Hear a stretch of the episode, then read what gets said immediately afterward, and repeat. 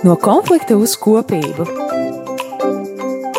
Katra mēneša 3. trešdienā, 2017. kopā ar dažādu konfesiju pārstāvjiem kopīgi domāsim par kristiešu vienotību šodien.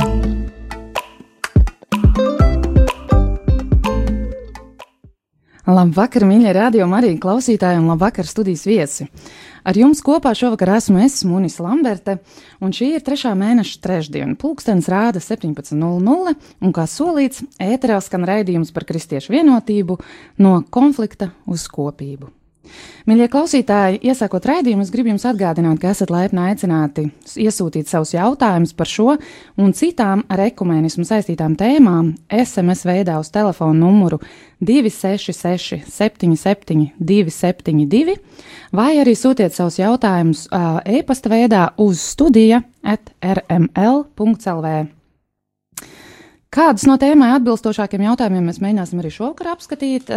Ja nepaspēsim, tad izskatīsim tos nākošajos raidījumos, jo, kā jau solījām, šie raidījumi mums vēl ir priekšā vairāki tēmas grūtas, vieglas, bet aktuāls šodien. Šī vakara tēma būs no tām grūtajām. Jāsaka, atklāti, ka tā ir pat nedaudz nērta, jo bieži tieši šī tēma raisa vislielākās domstarpības kristiešu vidū. Un proti, tēma - reformācija. Kas tad īsti ir reformācija? Wikipēdijā mēs varam lasīt, ka reformācija bija 16. gadsimta kustība, kuras mērķis bija reformēt katoļu baznīcu Eiropā, un kuras rezultātā notika baznīcas šķelšanās un izveidojās vairākas konfesijas, kas pastāv arī mūsdienās.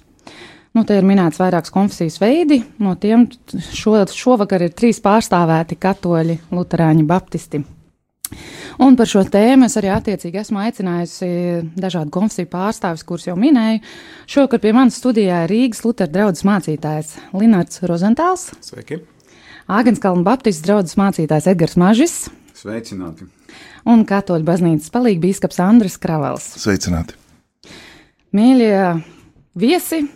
Pastāstiet, lūdzu, kas tad īsti notika daudzus gadus atpakaļ, kāpēc šādas šķelšanās notika? Tādu vēsturisku īsu apskatu mēs varētu iziet cauri. Jo iespējams, ir kāds radioklausītājs, kas pat nezina, kas ir reformācija. Nu, kurš, kurš būs tas drosmīgākais, kurš sāks?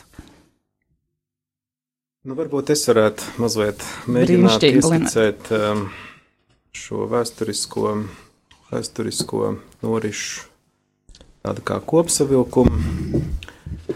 Uh, proti, 16. 16. gadsimtā, 1517. gada 31. oktobrī, mm, Mārtiņš Luters um, nosūtīja savas 95 tēzes kā tādu pamatu iespējamai diskusijai savam arhibīskapam, un um, vēstulē arī viņš izteica nopietnas bažas par tā laikā praktizēto grēku atvaišu sudināšanas un izsniegšanas praksi. Izsūtīju šīs tēzes arī kādiem saviem kolēģiem, visticamāk, piesprādu tās pie Vitsenbergas baznīcas durvīm, un tā ideja bija sākt šo akadēmisko disputu par šiem jautājumiem, proti, tajā laikā grēku atvaidēm, un tā vajag dievbijībā, dievbijībā bija tāda ļoti svarīga loma, jo tā ideja bija apmēram tāda, ka grēka atlaide ir uh, soda atvaišana par grēkiem, un uh, šo atlaidi tu vari saņemt, uh, ievēro kāds zināms nosacījums, um, lūkšanas, gabēnas, mīlestības darbi. Uh, un pēc Lutera domām um, tieši tas iemesls, ka tā laika baznīca tiksim, vācot ziedojumus priekš katedrālas celtniecībā Romā, caur šo grēku atvaižu pārdošanu, piedāvāšanu cilvēkiem, pēc otrā domām, tas kaut kā disonēja ar to, kā cilvēks var piedzīvot dievu žēlstību un, un, un grēku piedošanu. Un, piemēram, viņš uzskatīja, ka par atvaidām iegūto naudu drīzāk vajadzētu pārdot, vajadzētu var, vairāk atdot nabagiem. Un kaut kā šīs 95 tēzes ļoti ātri izplatījās, un, un tas radīja tādu ļoti lielu kontroversi, ļoti lielu, eh, ļoti lielu spriedzi. līdz pat um, Lutera izveikšanai no baznīcas. Un, un tad jau tie notikumi, kā kādreiz tas ir, ka kaut kāda dzirkstēva aizdedzina vienu lietu, tas parauj līdz vēl kaut ko, vēl kaut ko. Un, un tā sākās šie ļoti mm, kontroversālie, ļoti turbulentie notikumi 16. gadsimta pirmajā pusē.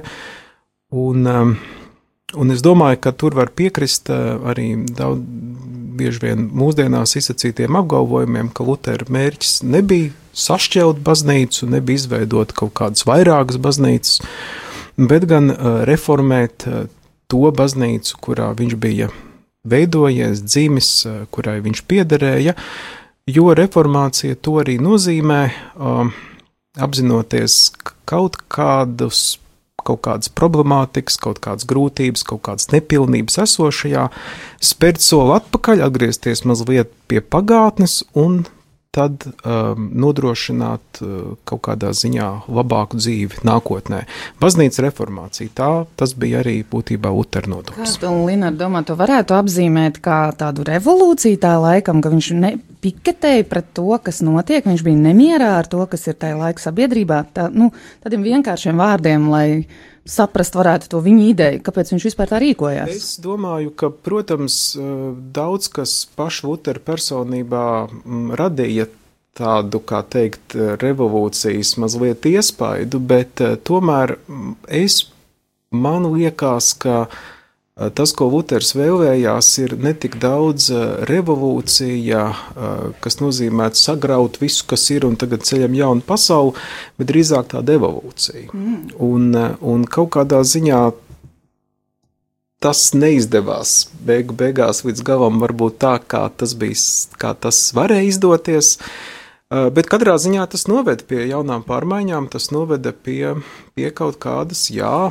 jaunas attīstības pakāpes baznīcā, kristietībā. Um, jā. Es, es varbūt liktu klāt vēl bišķi to viņa personīgo, personīgos dievu meklējumus. Jo īstenībā tas ir arī viena tā asa, kas to ap kuru visi griezās. Jo uh, Jo kaut kādā ziņā viņš bija dziļi nelaimīgs, pietiekami ilgu laiku nespējams saprast, nu kā, nu kur, kur īsti, kā Dievs darbojas, kā, kā tas uz mani attiecas. Citiem vārdiem sakot, un tas jau nebija tikai Luters viens, bija tā laika, mm, tajā laikmetā bija teikt, radušie, radusie, radušies pietiekami daudz cilvēki, kuru eksistenciālos jautājumus un eksistenciālās problēmas vairs nevarēja atrisināt ar tā laika atbildēm un tā laika praksēm.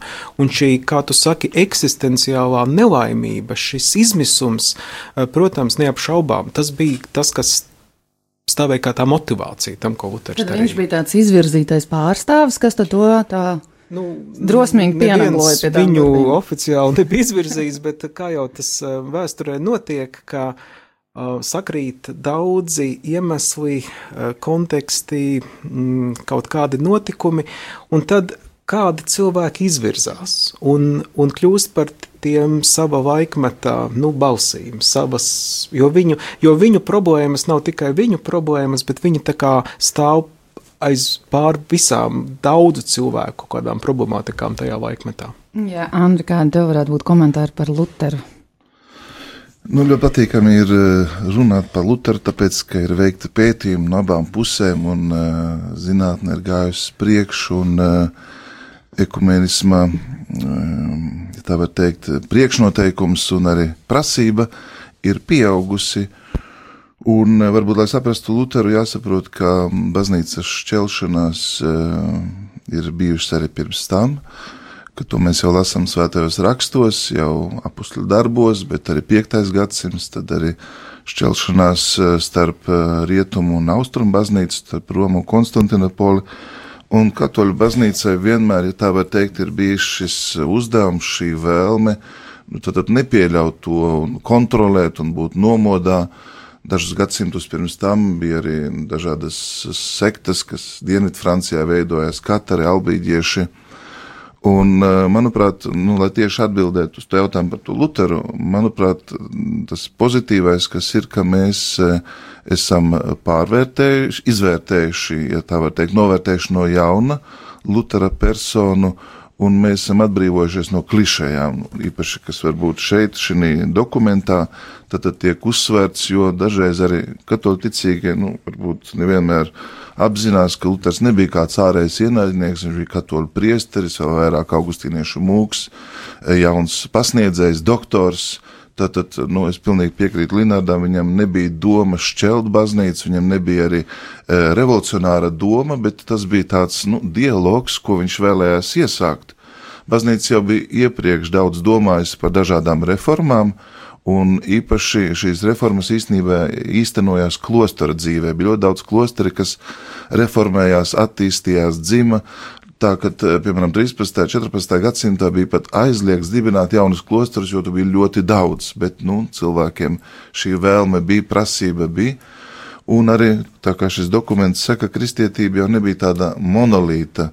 Tas nebija kaut kāds monolīts veidojums. Ja tu rakstīji vēstuli uz Romu, tad nu, pagāja varbūt trīs mēneši, kamēr tu saņēmi atbildi, kamēr tur aizgādāji bija arī citas attiecības, bet katrā ziņā, manuprāt, eh, es nekad, eh, mums nevajadzētu domāt, ka Luters bija, tiksim, baznīcas ienaidnieks, ja, vēl vairāk. Viņš bija tiešām ļoti zinošs, izglītots cilvēks, un, eh, ja runām šeit par tām 95 tēzēm, tad es rakstīju, kā, lasīju kādu studenta darbu, uh, kurš pierāda, ka aptuveni lielākā daļa no šīm tēzēm jau katoliskā baznīca ir, ja tā var teikt, integrējusi, īstenojusi, laiks ir parādījis, ka viņa intuīcijas ir bijušas pareizas, un tāpēc, um, ja tā var teikt, būtu ļoti, ļoti svarīgi nu, saprast Lutera nodomu, bet saprast arī, ka vēsturiskā kontekstā, mm, politiskajos, um, ja tā var teikt, tajā situācijā viņš arī tiešām tika izmantots tā viņa situācija, bet viņa nodoms noteikti bija uzlabot ticīgo stāvokli.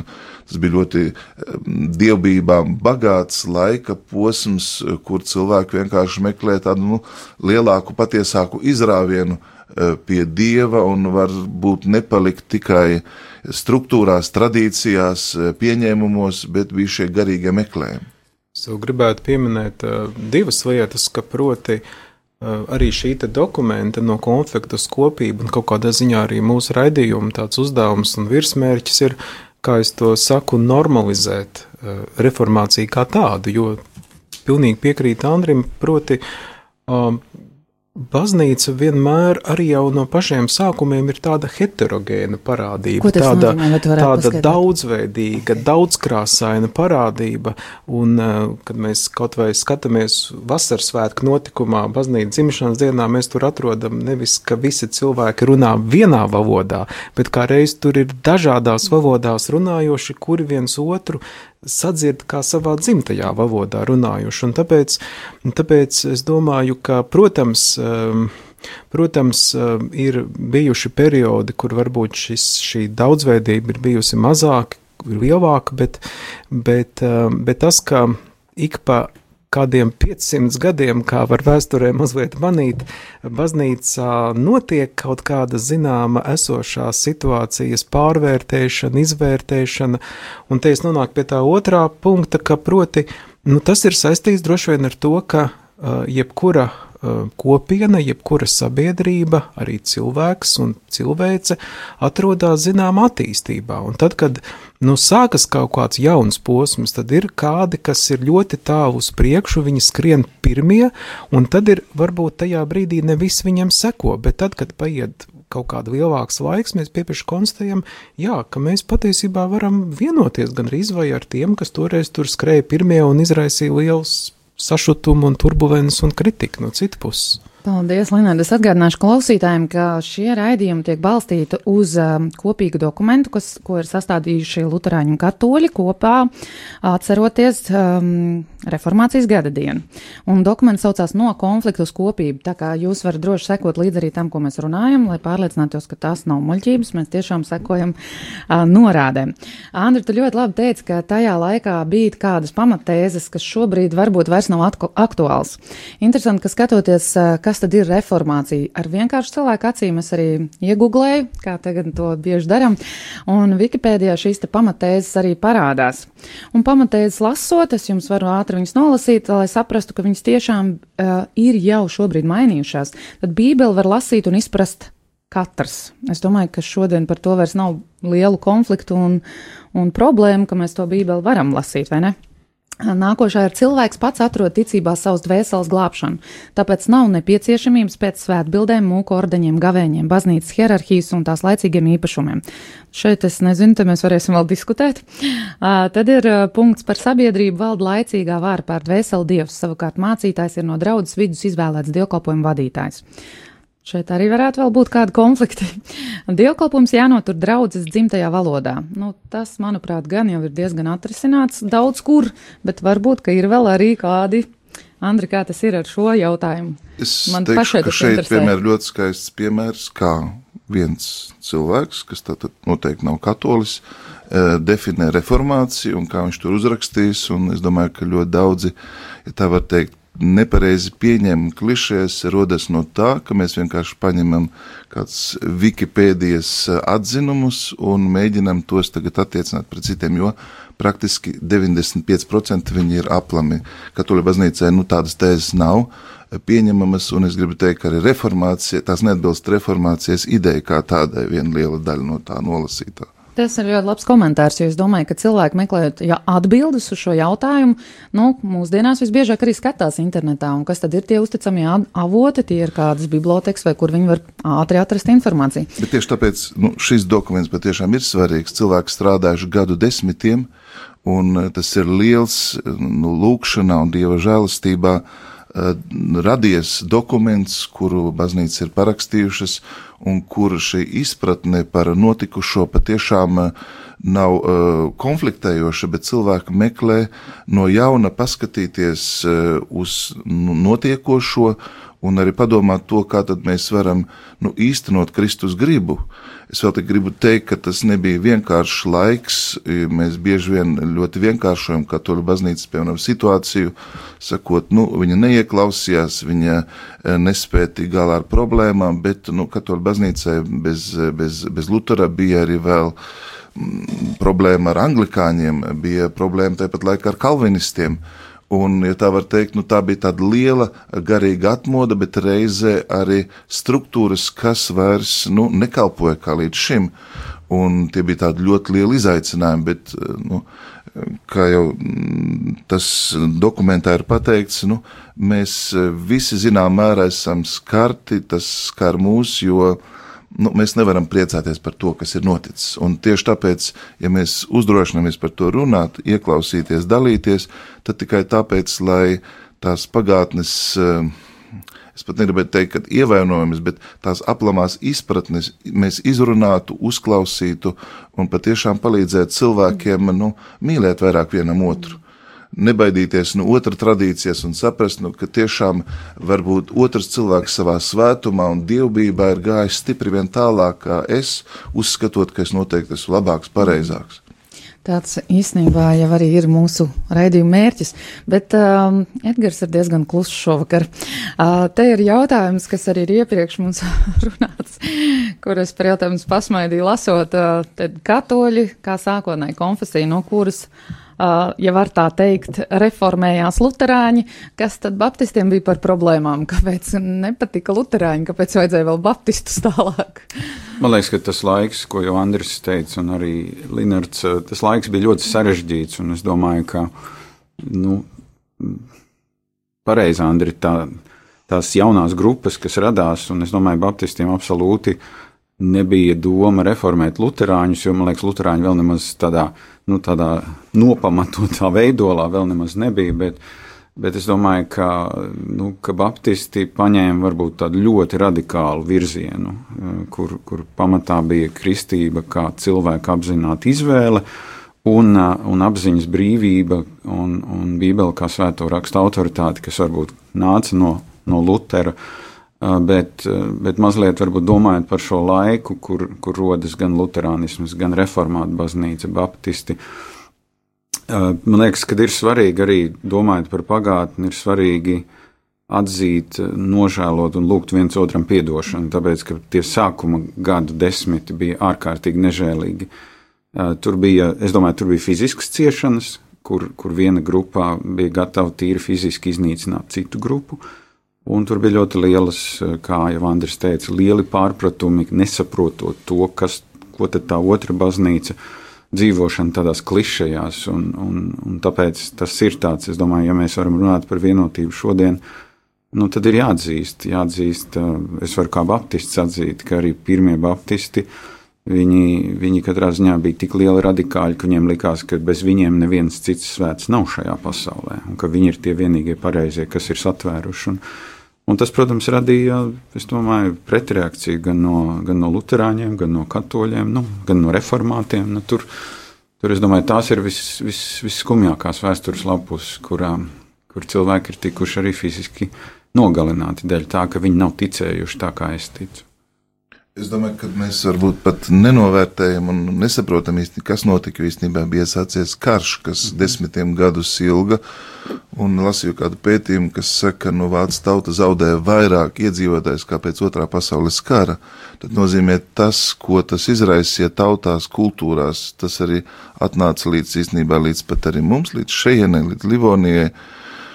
Un, uh, tas bija ļoti nežēlīgs arī laiks un uh, veids, kā kristieši uh, kārtoja savas attiecības, kas mums varbūt šodien būtu grūti saprotams, bet uh, mums jāsaprot, ka tajā laikā bieži vien atsevišķas valstis, valsts vara ar ticību bija, nu, tā var teikt, vienā personā.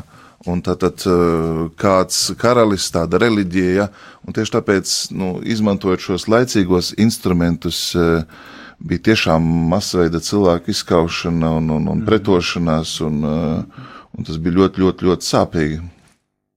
Jā, un es domāju, ka Baptisti varbūt tādā veidā arī protestēja pret to, ka nu, cilvēks, nu, bērns piedzima, viņš automātiski gandrīz tā kā tā kristība bija kļuvusi gandrīz tā kā pilsonība, ko uzreiz mm. tev jāsaņem. Ir, jā, un, un ka, ka varbūt pat dievgalds bija kļuvis par kaut ko tādu, tāpēc, ka visi iet, mēs ejam. Uh, Bet, bet nu, es teiktu, tas atkal ir tas jautājums, kur tu ar to savu radikālismu liecies. Jā. Mums ir jautājums no klausītāja, un jautājums ir šāds: kas šodien traucē Lutāņiem atgriezties svētā katoliskā baznīcā, it sevišķi Lutāņu priesteriem, kas ir izglītoti?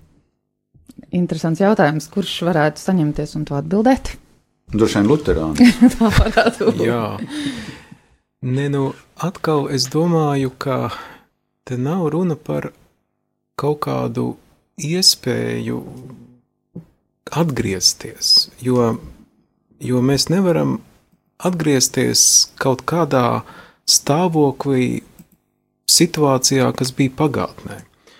Jo e, es vairāk redzu šo baznīcas kristietības mūsu visu kopējo ceļu kā tādu uh, un kā lai pasaka, tādu izvēršanos kaut kur, tā kā tādu, tas, tas ka baznīca ir um, sastāv no dažādiem segmentiem, no dažādām grupām, dažādām konfesijām, dažādām draudzēm. Um, tas patiesībā nozīmē, ka tā attīstība notiek, ka es stāvu uz to, kas tagad ir, un es to iekļauju, un es to pārspēju, un mēs nonākam kaut kādā jaunā, veidā, kā mēs varam skatīties uz Bībeli, uz tradīciju, uz, uz realitāti. Un kaut kādā ziņā um, jau šobrīd mēs, um, gan Lutāņi, gan Katoļi, gan Baptisti, mēs esam kaut kādā jau citā, citā, kaut kādā citā, es pat nezinu, kā lai to nosauc, kaut kādā um, pakāpē vai, vai kaut kādā citā ceļā, uh, kur, kur vairs nav iespējams, piemēram, nu, tādā veidā es atgriežos tur, vai cits, cits kaut kur citur atgriežas. Te ir runa par to, ka ir kaut kas izveidojies jauns, kas mūs vieno pavisam savādāk nekā, nekā tas bija pirms eh, pieciem gadsimtiem. Un tādā ziņā, nu, ir kaut kāda jauna veida attiecības, ir kaut kāda jauna veida vispār pieredze radusies. Un tāpēc no vienas puses tā, tā reformācija, kas bija, viņa ir viens notikums pagātnē, uz kuru mēs tagad skatāmies ar šodienas acīm, un droši vien tur es piekrītu mēs lasām par to, kā tur tas notika un kā cilvēki viens otru iznīcināja un ko viņi tikai nedarīja. Mēs skatāmies ar, ar, ar neizpratni, mēs sakām, nu, tā nu gan tām lietām nevajadzētu notikt, jo tas taču ir pretrunā ar, ar Kristus garu, ar, ar mīlestības kaut kādu garu, ar to, ka mēs taču ieklausāmies viens otrā vai kā citādi. Bet, bet tajā pat laikā tie laiki bija tādi, kādi viņi bija. Un es domāju, ka mums ir jānovērtē arī, nu, tur, es, tur es tiešām gribētu uzsvērt, ka mums ir jānovērtē tas konfesionalitātes princips, kas izveidojās jau pēc tam, 16. gadsimtā, jau pēc Lutera, jo tā brīda, brīža situācijā tas bija ļoti liels sasniegums, ka baznīca spēja vienoties, ka mēs varam pastāvēt labi, ar zināmu distanci, ar zināmu žodziņu pa vidu, bet mēs spējam pastāvēt un pieņemt viens otru kā konfesijas, dažādas, bet mēs joprojām paliekam, nu, un varbūt toreiz tas nebija tik izteikti, bet, nu, tā kā mēs šobrīd to skatāmies, mēs paliekam vienā Kristus baznīcā, mēs esam vienā lielajā veselumā. Un es domāju, tas konfesionāls, konfes, no tā konfesionalitātes principa ir neiespējami tagad atteikties un teikt, mēs jau atgriežamies kaut kādā vienā, vienādībā, kaut kādā vienveidībā, jo, jo tas ir pozitīvi. Spēt uh, nevis būt visiem vienā valodā, vienā runā, bet spēt būt dažādiem, atšķirīgiem, un tajā pat laikā būt pie viena gauda, tajā pat laikā spēt viens otru pieņemt un mīlēt un meklēt ne tikai atšķirīgo, bet arī kopīgo, kopīgo. Tas ir milzīgs progress, kas ir noticis šajos 500 gados. Ja baznīca jau ir viena, es ļoti īsi atbildēšu, un uh, par nožēlu mēs, kā katoļu baznīca, neesam vēl svēti. Un tas tāds kārdinājums domāt, nu, visi nākiet zem mums, zem viena jumta, viss būs labi. Vienu brīdi bija cits kārdinājums, iesim pie visiem citiem, tur viņus pārliecināsim, un tad tur būs labi.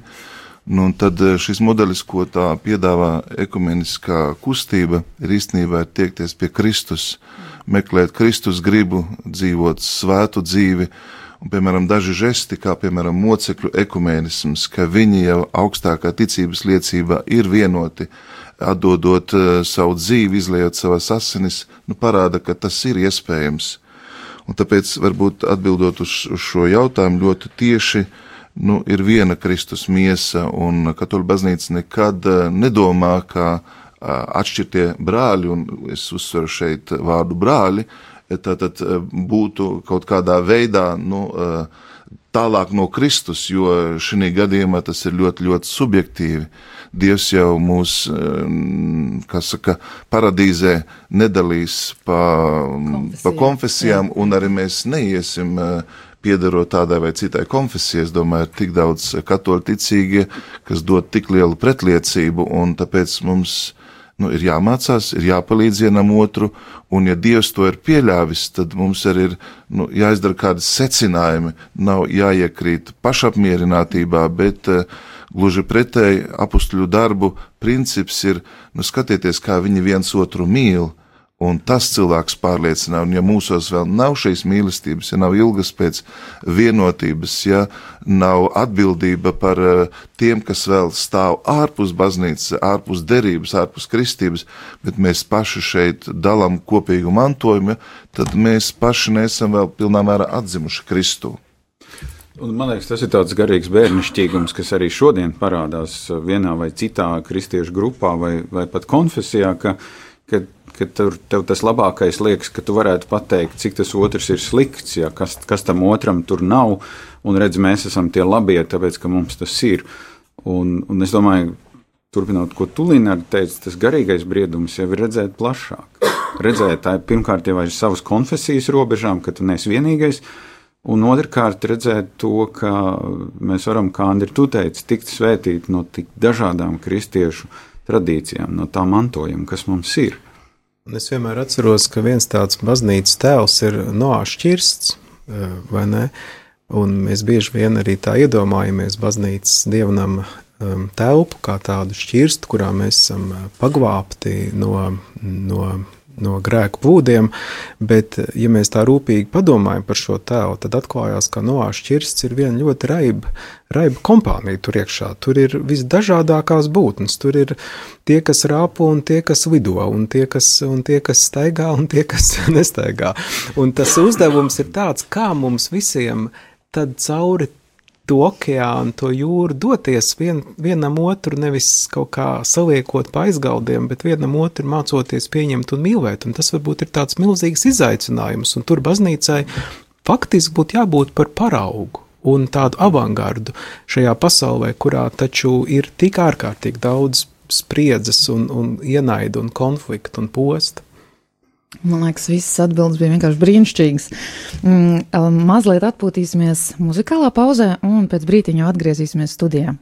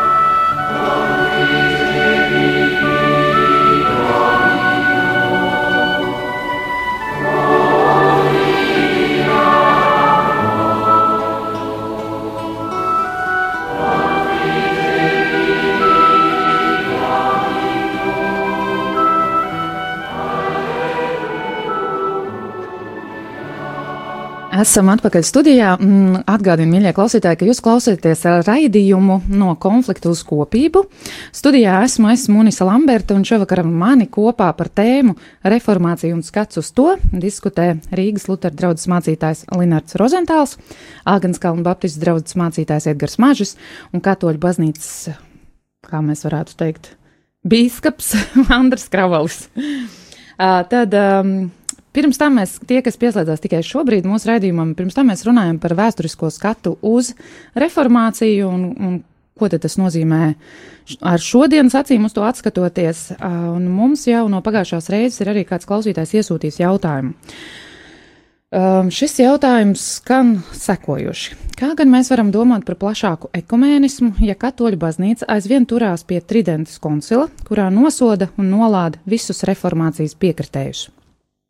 Nu, droši vien uz šo jautājumu vispirms es lūkšu Andri atbildēt, un tad arī pārējiem izteikties un, un komentēt, ko tad mēs varētu atbildēt klausītājiem. Es domāju, ka uh, ar lāstiem tā neviens nemētājās, un ja gadījumā gribētu iedziļināties dziļāk šajā jautājumā, tad tas ir 51. Eh, paragrāfs šeit.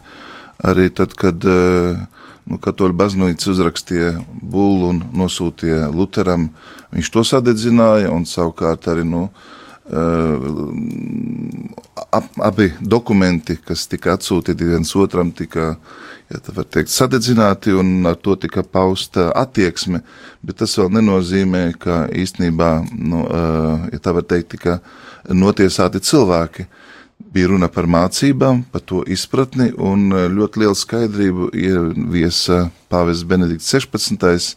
kas tieši svētceļojuma laikā vizītē Vācijā pateica īstenībā, ar Lutera nāvi ekskomunikācija ir beigusies kā tāda, ja tā nevar iet tālāk uz citiem luterāņiem, uz citiem cilvēkiem, jo viņi tādā veidā nu, nav nu, tieši saistīti ar to. Un tad, tad eh, to ļoti izteiksmīgi apliecināja Vatikāna otrajā koncilā, kad eh, pāvests Pāvils VI un eh, Austrumbaznīcas patriārhs Atenagoras nu, saplēsa šos savstarpējos nosodījumus publiski un arī sadedzināt, sakot, ka nu, tiem nav svara.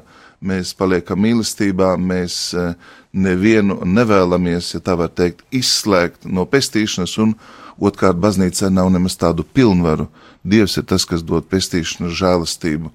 Es došu vienu citu piemēru. Dažreiz uh, pat filmā par Lutheru var redzēt, ka, nu, ja kāds pašnāvnieks tādā veidā izdara sev galu, ka viņš netiek uh, apglabāts kopā ar pārējiem kapsētā, bet tas jau nenozīmē, ka šis cilvēks būtu izslēgts no Dieva valstības. Tas vienkārši ir veids, kā baznīca pozicionēs pret šo aktu un uh, vērš uzmanību, bet tā nav baznīcas kompetence, ja tā var teikt, ierādīt vietas debesu valstībā.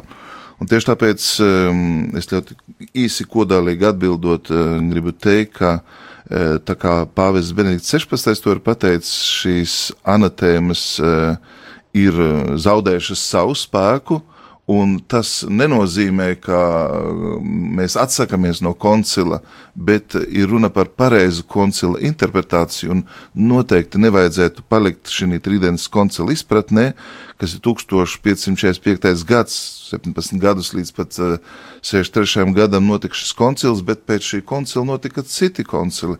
Vatikāna pirmais koncils, Vatikāna otrais koncils, un mums būtu jālasa, ko tad eh, šie dokumenti īpaši par kristiešu vienotības atjaunošanu, dekrēts par ekumenismu, nu, ko viņš mums saka, kā viņš e, interpretē un arī parāda, kādām attiecībām mums ir jābūt kā kristiešu starpā. Edgars Lenārs, varbūt jums ir komentāri? Es domāju, ka mm, na, ir tā veselīgi varbūt vispār skatīties uz ne jau tikai šī minētā koncila dokumentiem, bet uz um, daudziem citiem dokumentiem, ko baznīcas, baznīca viena vai cita ir izdevusi, um, kā uz dokumentiem, kas atspoguļo savu laiku, uh, tā laika cilvēkus, tā laika skatījumus, realitāti, tā laika uzskatus. Un tas nozīmē, ka man šķiet, ka nebūtu tas pats pats veselīgākais un pats pats dziedinošākais, ka mēs eh, kādus šādus dokumentus kaut kā absolutizējam, vai ne, un padaram viņus, nu, tā kā, tā, tā kā tur tas vārds stāv, nu, tad tas paliek mūžīgi. Nāk cits laiks, cilvēki skatās lietām savādāk. 16. gadsimtā nespēja sarunāties, sūtīja viens otram dokumentus, um, tur um, rīkojās dažādi. Šobrīd tas ir iespējams, un, un nāk citi dokumenti, nāk citi vērtējumi, nāk citas domas, kas, um, kas kaut kādā ziņā izlīdzina to, kas ir bijis iepriekš. Un tas ir tā kā attiecībās, tas ir tā kā, nu jā, kāds notiek dzīvē. Nu, liekas, ka tāda vienkārša ilustrācija varētu būt, ka, ja tur, nezinu, pagātnē starp divām dzimtām ir bijušas kaut kādas milzīgas šķelšanās, tad tas nenozīmē, ka 20, 40 paudzes vēlāk tad vēl atcerās to. Var, nu, ja tas tā notiek, tad tā ir tāda milzīga ļaunatminība. Tas, tas man nāk prātā, kur, kur mēs draudzē bieži vien veidojam tādus seminārus par to, kas notiek daudzās paudzēs, cilvēku dzimtās vai ne. Un tad, ja tas ir tā, kā tu saki, tad tas nozīmē, ka izveidojas kaut kāds tāds tumšs musturs, un tas uzdevums ir tagad kaut kā to apzināties un uzticēt Dievam un teikt, nē, nu, mēs negribam šo musturu tagad uh, multiplicēt savās dzīvēs tālāk. Tieši tā, un tāpēc es teiktu, ka nu, ar dokumentiem, ar dokumentu palīdzību tu nekad nevari radīt mīlestību un cieņu. Tad tas ir pavisam kaut kas atkal cits. Ja tu gribi apvainoties, ja tu šodien, nezinu, protestants būdams, gribi skatīties uz katoļiem, vai es nezinu, kā baptistu uz luterāņiem, jo Lutheram arī viņš arī nebija starā par baptistiem. Tur ir tādi teikumi Nu, nu tad es varu dzīvot tā apvainotā pozīcijā, bet man liekas, laiks iet tālāk. Runā par dokumentiem. Ja tev pret kaut ko ir nepatika, tad tu vienmēr atradīsi dokumentus un argumentus, kas to apliecinās. Edgars, tu ļoti labi tēmu iesāk runāt, turpinot runāt par apvainojumiem tieši. Kas tad ir šie galvenie apvainojumi? Uh, uz, un, un kā tos vispār var šodien samierināt, kas ir bijuši uz emociju pamata un kas ir vēsturiskā kontekstā. Varbūt jūs varat minēt dažus, lai ir saprotami, tad viens no šiem apvainojumiem ir no mūsdienām nācis, bet kas tad ir šie pagātnes apvainojumi? Šie strīdus jautājumi vairāk bija svētie raksti, to interpretācija, tradīcijas vieta. Tad arī nu, Luters bija arī mūks garīdznieks, viņš atstāja kalpošanu, pozicionējās arī pret pāvestu. Uh, un arī eh, izpratne varbūt par eh, sakramentiem eh, mainījās. Arī varbūt tas bija ļoti grūts un sarežģīts laiks, arī baznīcas un valsts attiecības. Arī šis jautājums pacēlās. Protams, arī grēku piedošanas jautājums, nu, dekrēts arī, protams, par attaisnošanu, bet arī nu, skaisti, ka mēs esam nonākuši pie vienprātības, un tas, piemēram, 1999. gadā dekrēts par attaisnošanu, ja, kas arī tika parakstīts no abām baznīcām, parāda, ka nu, ir evolūcija. Mēs nestāvam uz vietas, mēs šos jautājumus izdiskutējam, pārunājam, jaunā gaismā saprotam un iedziļināmies, un mēs nu, nekaram birkas un nemēģinām tā savu teoloģiju uh, veidot vai mācīt. Uh, uz, uz, nosodot citus, vai, vai, vai viņus kaut kādā veidā pazemojot, vai norādot uz kļūdām. Tad tā vairs nav katoliskā teoloģija, jo baznīca prasa pasniegt teoloģiju tādā veidā, lai tā būtu saprotama ehm, arī citām konfesijām, un lai šie vienotības meklējumi būtu klātesoši, jo tā ir kunga pavēle.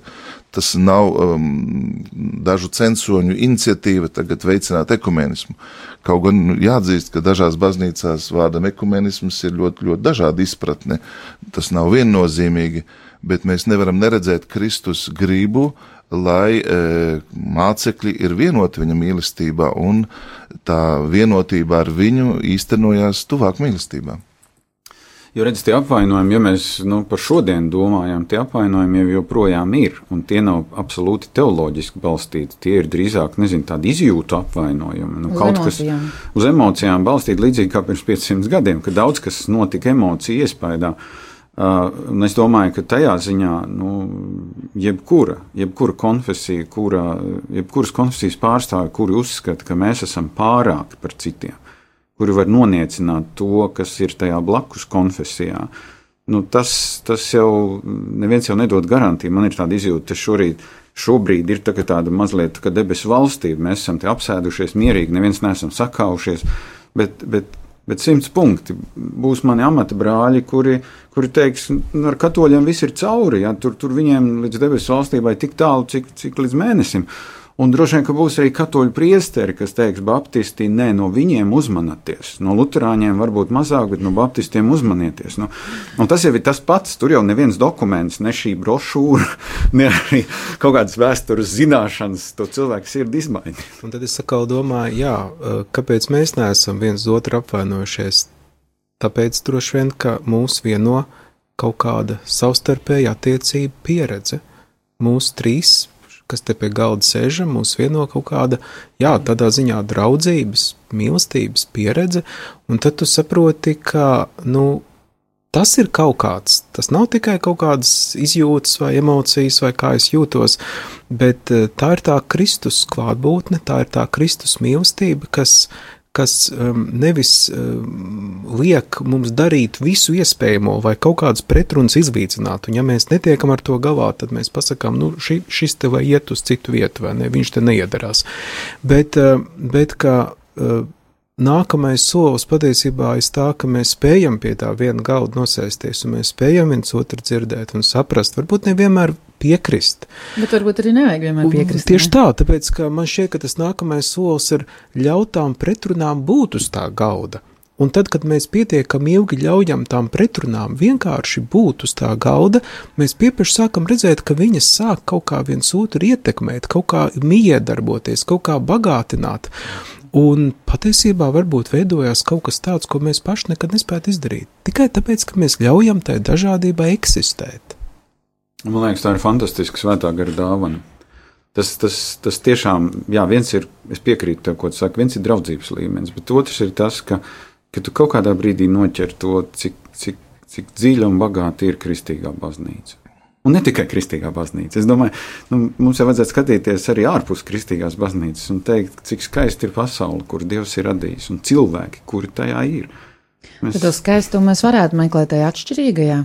Nu, protams, protams, ka es aizēju pie Andrejas katoļu baznīcas, es baudu, baudu liturģiju. Man, man vīrāks patīk arī, bet tā nav galvenā iezīme katoļu dievkalpojumā. Bet, bet es iznāku ārā, nu, kaut kādā ziņā iedrošināts, stiprināts. Un tas pats, ka es aizēju uz, uz Lutāņu baznīcu. Jā. Vienā brīdī cilvēkam var pielikt, ka Dievs mīl visus cilvēkus. Ne tikai mūsējos, ne tikai mūs, bet viņš mīl arī viņus, arī tos un tos un tos. Un uh, tas tiešām izraisa lielas, var, var izraisīt lielu transformāciju pasaulē. Ja mēs kaut uz mirkli iedomātos, ka tiešām Dievs ir kopā ar to cilvēku tieši tāpat kā ar mani, tas maina attieksmi, tas maina mūsu uzvedību, tas maina mūsu nostājas, tas maina mūsu valodu, kā mēs runājam, un arī domāšanas maiņu. Un es domāju, tas ir viens skaistums, kas varbūt tikai tagad sāk pasaulē tā pa īstam varbūt kaut kur izplaukt un parādīties. Man tiešām gribētos piebilst kaut mums ātrāk un vairāk pielikt visiem tas, ko tu teici, jo tie Tas, tas tiešām ir skaisti piedzīvot to vienotību un tajās atšķirībās ieraudzīt to skaistumu.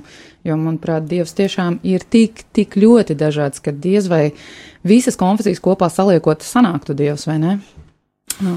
Skaists piemērs ir, piemēram, Māte Terēze. Nu, redzot cilvēku ciešanas, viņa nešķirojas savējos vai kristiešos, bet uh, vēlējās, lai katrs cilvēks tiktu aprūpēts ar cieņu, atstāja šo pasauli. Uh, Un tāpat laikā es atceros, šeit neesmu sociālais darbinieks, ja man Kristus mīlestība mudina to darīt, un neviens īstenībā nevarēja iebilst. Ja? Tas ir tā universālā nu, mīlestība, ka tu meklē otru labumu, ka tu nepaliec tikai kaut kādā ierobežotā pārliecībā, bet ka tu esi tā vienots ar Kristu, ka tu to dari Kristus spēkā. Mēs nevaram neredzēt svētos rakstos, kā Kristus cenšas saviem mācekļiem, bet arī farizējiem rakstu zinātājiem nu, parādīt. Nu, visi šie piemēri ar, ar, ar samārieti, piemēram, ar tuvāko. Ja? Viņš iziet ārpus um, Palestīnas robežām, viņš, viņš dod tādus piemērus, kas parāda, ka uh, ticība pie, piemēram, samāriešu sievietes vai, vai, vai, vai, vai kanānietes vai, vai pie romieša leģionāra virsnieka ir daudz lielākā visā Izrēlī. Un tāpēc ļausim, lai arī Dievs mūs nu, pārsteidz, ja mēs paliekam tikai savās pārliecībās, uh, Es domāju, ka nu, to, ko brālis sacīja, tas ļoti svarīgi, bet tiešām nu, ekumenisks nepastāv tikai teoloģiskos meklējumos. Nu, vai es pazīstu savu kaimiņu, vai es varu viņu kopā dievu vārdu lasīt, kopā lūgt, parūpēties. Nu, to, ko, to, ko mums katehisms atgādina, vai es apmeklēju slimos, vai es uh, aizēju uz cietumu, vai es parūpējos par, par, par bāriņiem, atraitnēm. Ir tik daudz skaistas lietas, ko mēs varam darīt, un to darot, mēs atklāsim patiešām nu, šīs katras tradīcijas skaistumu. Jo, jo kaut kā cita skaistuma un jēgu mēs varam atklāt tad, kad es patiešām tajā citā ieju.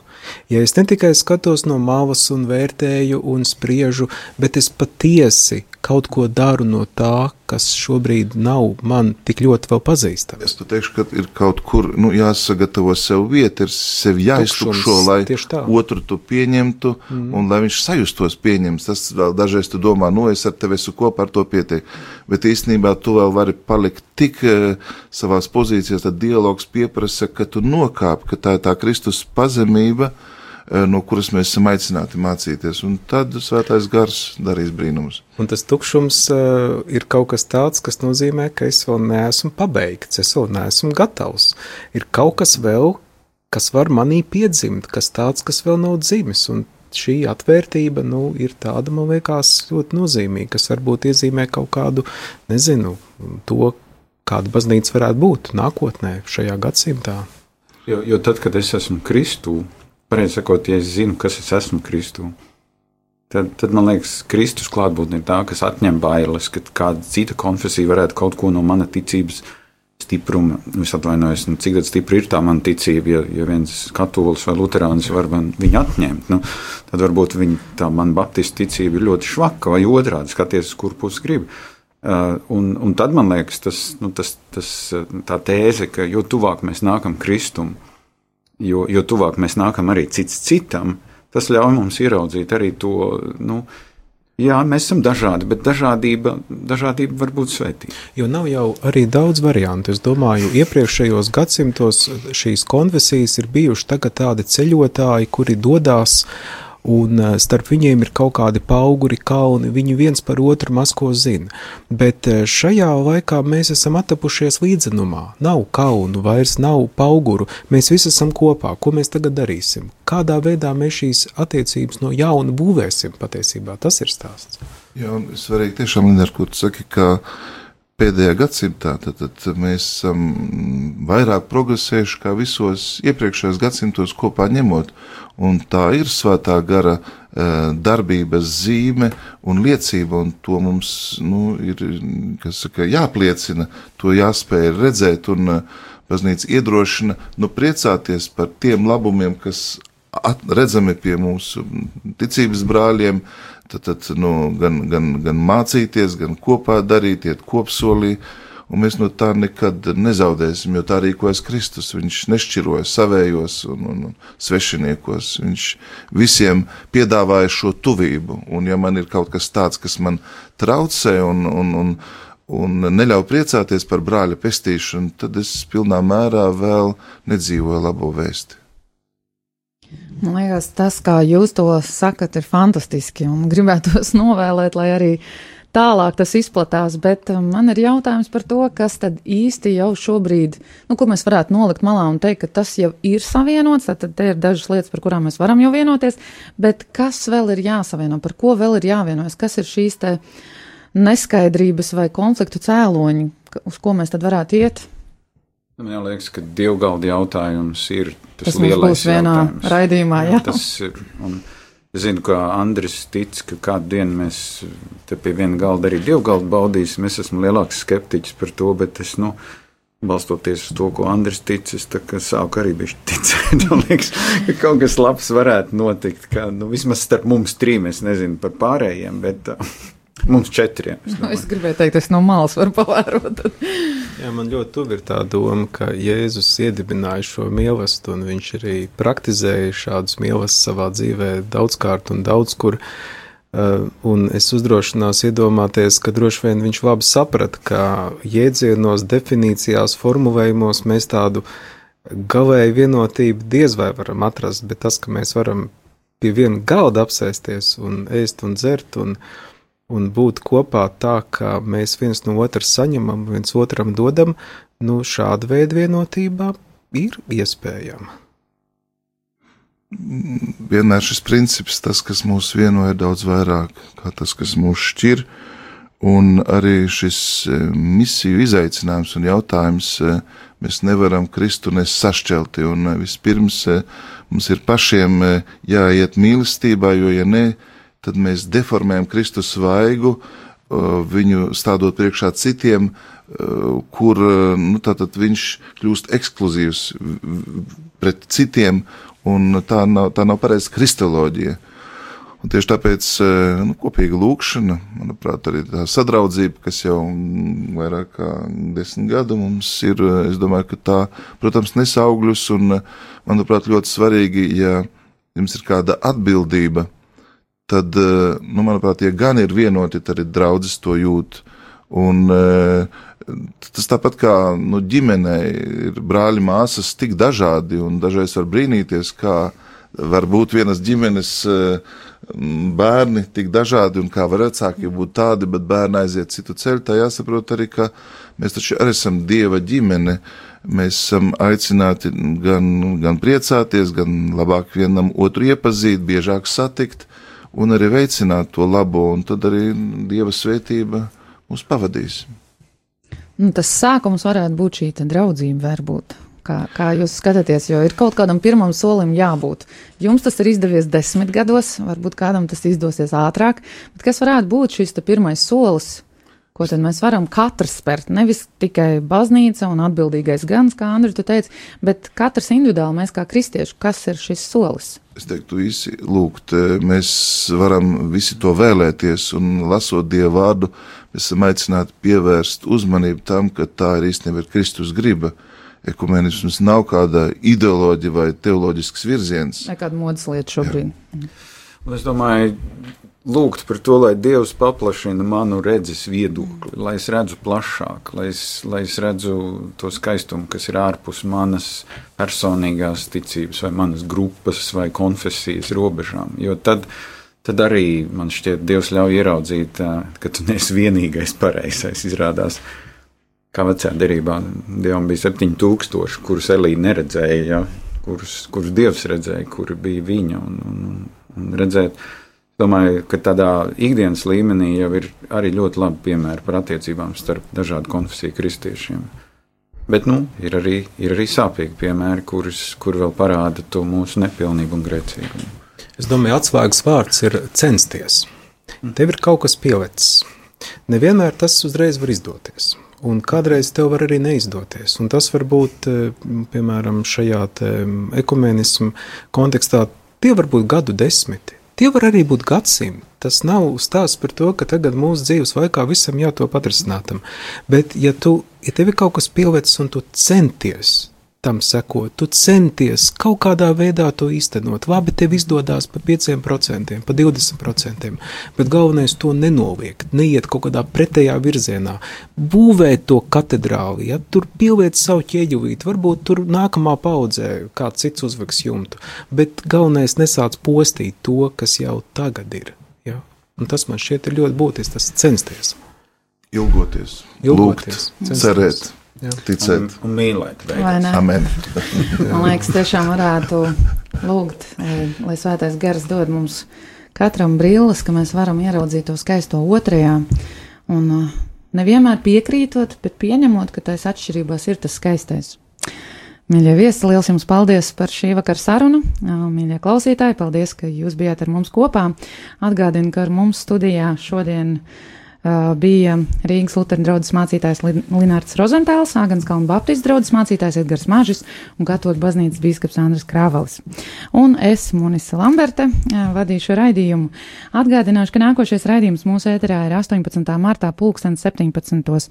kad apskatīsim atkal tādu nērtu tēmu. Šoreiz tā būs Bībele, jeb skatījums uz svētiem rakstiem no reformācijas un katoļu baznīcas puses. Man liekas, diezgan izaicinoši, tā kā mīļie klausītāji esat aicināti iesūtīt uzrakstīt savus jautājumus jau laicīgi. Mm, tos labākos tad apskatīsim ēterā, lai jums visiem mierīgs, skaists un tiešām vienots, mīlestībā vienots vakars. Paldies par uzmanību!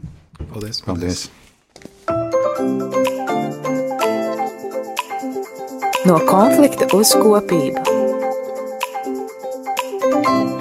Raidījums par kristiešu vienotību.